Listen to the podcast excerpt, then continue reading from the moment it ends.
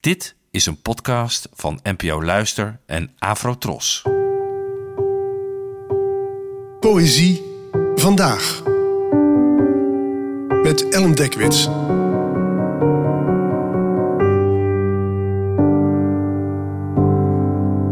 Hallo, fijn dat je luistert. Het gedicht van vandaag heet Haarblauwe lichaam vol van licht en werd geschreven door de Britse schrijfster Warsan Shearer, geboren in 1988 en door mij vertaald. Haar blauwe lichaam vol van licht. Het is toch ongelooflijk dat ik kanker heb, zegt Joshua. Een kop thee in haar handen, haast lachend, het haar afgeknipt tot op de schedel. Ik stel me voor dat de kanker auditie doet in haar lichaam. Kleine doorzichtige stukjes licht die haar onderbuik en baarmoeder doorzeven, op en neer reizen door haar keel, spelden prikjes van licht, glinsterend vuurwerk, het lijf dat zichzelf inbrandt, een zeediep blauw in haar lichaam, de ribbenkast een aquarium, de kanker die woekert en woekert, verre ruimte, haar keel een lavalamp, sterretjes onder het borstbeen. Een lichtshow. Miljoenen kleine kwallen, orkestrale baarmoeder, kaleidoscopische eierstokken, een hart als een discobal, haar huid die gloeit en gloeit, van binnenuit ontstoken. Ik heb zelf als puber een tijd gedacht, maar dat kwam misschien ook wel gewoon door de gedichten die ik toen las, dat poëzie alleen over de verheven, grote en daardoor ook wat abstracte zaken des levens zou gaan. Liefde bijvoorbeeld, of oorlog, of de dood. Nou ja, van deze opvatting was ik gelukkig snel genezen. Er zijn tal van versen die niet om de hete brei heen draaien, die het beestje bij de naam noemen en die daardoor meteen binnenkomen.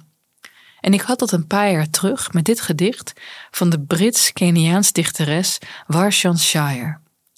Al vanaf de openingsregel weet je waar het over gaat. Die ene gevreesde ziekte, die velen gewoon afkorten tot K. Ik doe dat inmiddels ook, sinds een aantal van mijn vrienden erdoor zijn getroffen.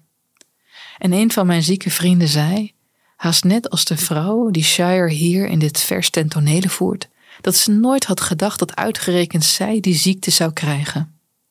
Daar zit meteen het verschrikkelijke ervan in. Niemand is veilig. Maar dit gedicht doet naast confronteren en onthutsen ook nog iets anders. Tussen de regels door verandert de ziekte in iets dat in lichamen auditie doet. Door beeldspraak maakt ze er geen agressieve cellen meer van, maar kleine, doorzichtige stukjes licht reduceert de dichter de uitzaaiingen eerst tot speldenprikjes en dan tot vriendelijk glinsterend vuurwerk.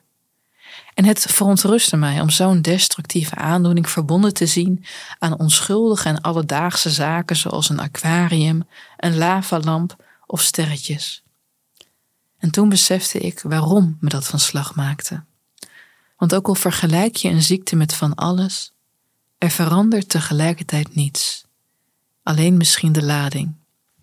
Ze maakt van het lichaam haast een museum voor schoonheid en kleur, met kaleidoscopische eierstokken, een hart als een discobal en een huid die maar gloeit.